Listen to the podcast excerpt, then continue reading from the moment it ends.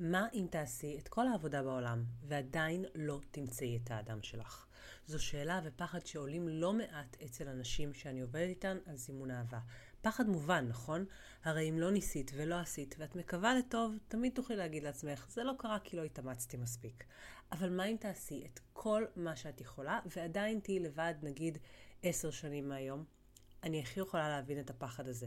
כי דוגרי, גם אני הייתי שם בתקופת הרווקות שלי, אני הכי רציתי שמישהו יבטיח לי שלי זה לא יקרה, ושהעבודה הקשה שאני עושה תשתלם ואני לא אשאר לבד.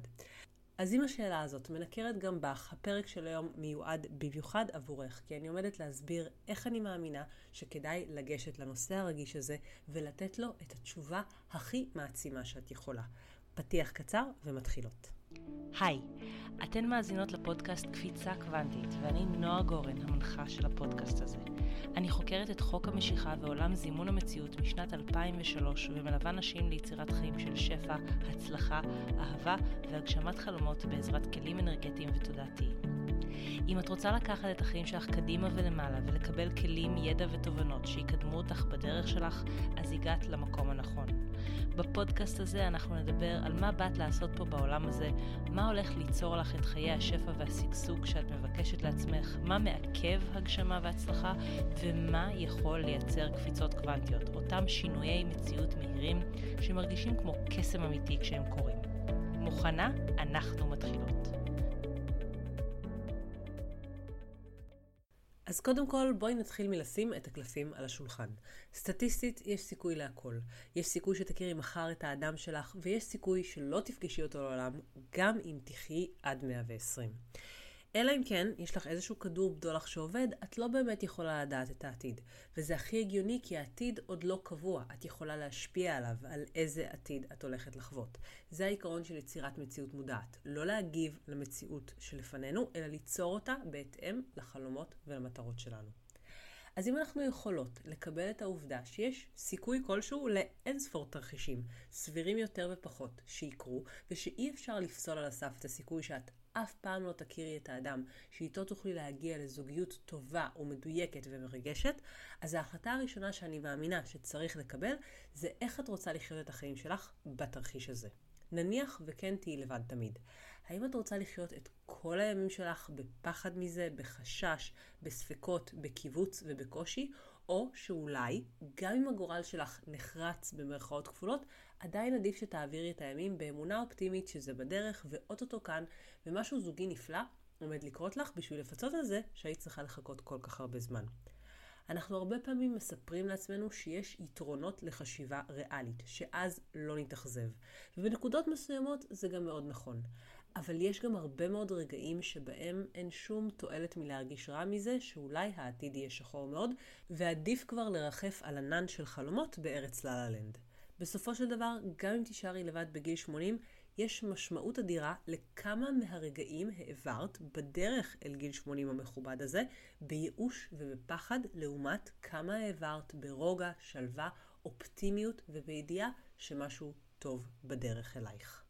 אז אוקיי, אם את מקבלת ורואה את היתרונות בלחשוב אופטימי, סתם כי זה מרגיש יותר טוב, אז השלב הבא הוא להזכיר ולחזק בעצמך את הידיעה שזה גם מה שיכול להטות את הכף לטובת הגשמת המציאות הזוגית שאת רוצה. פוקוס חיובי מייצר תוצאות טובות יותר, או במילים אחרות, מרגע זה ואילך אני מזמינה אותך להסיט את הפוקוס מהשאלה של מה אם זה אף פעם לא יקרה לי, ולקבל את ההחלטה שאת הולכת לעשות מהצד שלך את העבודה האנרגטית, התודעתית והפרקטית שיכולה להטות את הסטטיסטיקה לטובתך. ולכן השאלה הזאת היא בכלל לא רלוונטית. ואני הכי מאמינה שיש לך באמת את הכוח. יש לך את הכוח ליצור מציאות שהיא לא בהתאם לסטטיסטיקה. כל העסק שלי, אימון בזימון, מתבסס ובנוי על ההנחה הזאת בדיוק. אז אוקיי, מכאן, כשיש לך פוקוס חדש ומעצים יותר, אפשר לעבור לדבר על מקסום סיכויים ועל מה מאותת לך שאת בעצם בדרך הנכונה ושהסיכוי שלך לזוגיות מדויקת הוא במקסימום. אז קודם כל, הבדיקה הראשונה שאני ממליצה לעשות זה לשאול עם יד על הלב כמה את רוצה את זה עכשיו. כמה את באמת באמת רוצה שהמציאות שלך תשתנה בזמן הקרוב לכזאת שיש בה אהבה זוגית מדויקת ומרגשת. לפעמים לא נעים להודות שבינך לבינך זה לא כזה בעדיפות כרגע, ושאולי יש משהו יותר קורץ שמבקש את תשומת הלב שלך. אולי זה טיול לחו"ל, או עבודה חדשה, או לפתוח עסק, או להביא ילד. לא תמיד קל לנו להיות כנות באמת, אפילו לא בינינו לבין עצמנו. והכנות הזאת היא קריטית, כי לפעמים שם מסתתרת הסיבה לתקיעות ולהבנה למה בעצם זה לא קרה לך עד עכשיו. הלאה, אם התשובה שענית היא כן, אני רוצה את זה עכשיו, אני רוצה את זה מכל הלב ומכל הנשמה ורק שיגיע ואני הכי מוכנה שיש, ובא לי על קשר לא כי אני מספרת לעצמי שיהיה לי יותר קל וזה יפתור לי בעיות, אלא כי אני ממש רוצה את הסוג השונה של חוויית החיים הזאת, ואני מוכנה לאתגרים וללמידה שהיא מביאה איתה. אז השלב הבא בדרך לשיפור הסיכויים והטיית הסטטיסטיקה היא נקיטה בגישה שלי אישית יצרה תוצאות מדהימות בהמון תחומים שונים בחיים, והגישה הזאת היא whatever it takes, מה שידרש. ואני אסביר למה הכוונה, כי הרבה פעמים ההבנה האמיתית שזה לא כזה חשוב ובוער לנו כרגע, מגיעה כשאנחנו לא מצליחות ליישם את הגישה הזאת של whatever it takes. הגישה הזאת אומרת שמה שצריך להשקיע, את תשקיעי. ומה שצריך לעשות, את תעשי. ואיפה שצריך ללמוד ולהרחיב את אזור הנוחות שלך, זה מה שתעשי. אין פה משא ומתן על מה בא לי לעשות ומה פחות, רק על מה יכול לשפר את הסיכויים שלי. כזה.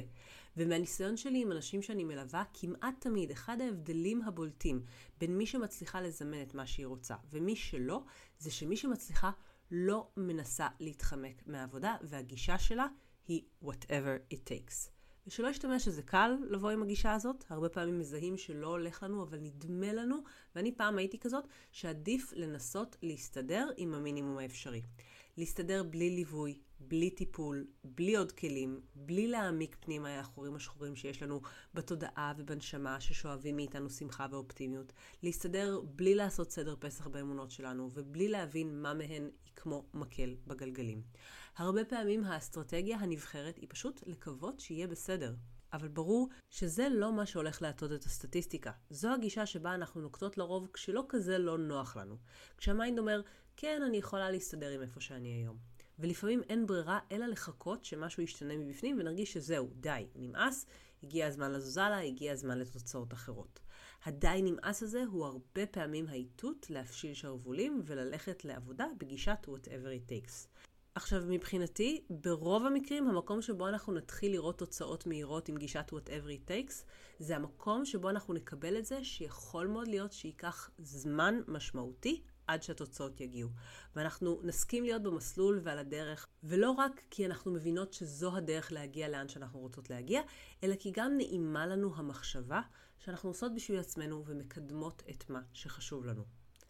אוקיי, עוד חלק מהגישה, שלדעתי ומהניסיון שלי יכולה מאוד לתרום להעלאת הסיכויים, זה להסכים לחוסר הידיעה של איך בדיוק הדרך שלך לאהבה עומדת להיראות. ולהחליט שלא משנה איך היא הולכת להיראות, את לא מתבלבלת. גם אם הבחור החמוד שהיה איתו פוטנציאל עשה גוסטינג, גם אם פתאום בתקופה מסוימת אף אחד לא מתחיל איתך, זו בחירה להחליט שגם זה חלק מהדרך שלך לאהבה. אני אפילו אוהבת לחזק בזמנים כאלה שהספקות ככה מדברים בהם יותר חזק.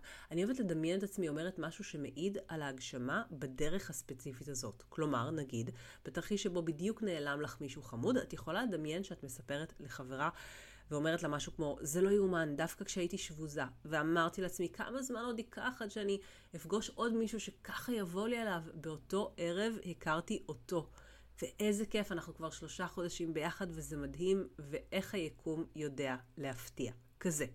תדמייני את זה והדמיון הזה יזכיר לך שאת לא באמת יודעת. את לא באמת הולכת לקבל התראה בבוקר של היום שבו תכירי את האדם שלך ויהיה כתוב בה, היום זה הולך לקרות. זה יכול להרגיש כמו יום רגיל לגמרי או יום עקום לגמרי, וזה לא משנה. תסכימי לא לדעת ותחליטי שאת עומדת להיות מופתעת לטובה, וגם זה יעזור לך להטות את הסטטיסטיקה. אוקיי, אם נהנית מהפרק, בבקשה העבירי אותו הלאה למי שיכולה להתעניין, וכמובן, אם הגיע הזמן עבורך לקחת את הנושא של זימון קשר מדויק ואהבה מרגשת, צעד נע קדימה, ולקבל את כל הכלים שיאפשרו לך ליצור בחיים שלך את הזוגיות שאת באמת רוצה וחולמת עליה, אז אני רוצה לוודא שאת יודעת שאת העבודה הזאת של זימון אהבה זוגית מדויקת אני עושה באופן יומיומי עם הלקוחות שלי בתוכנית הליווי לאהבה.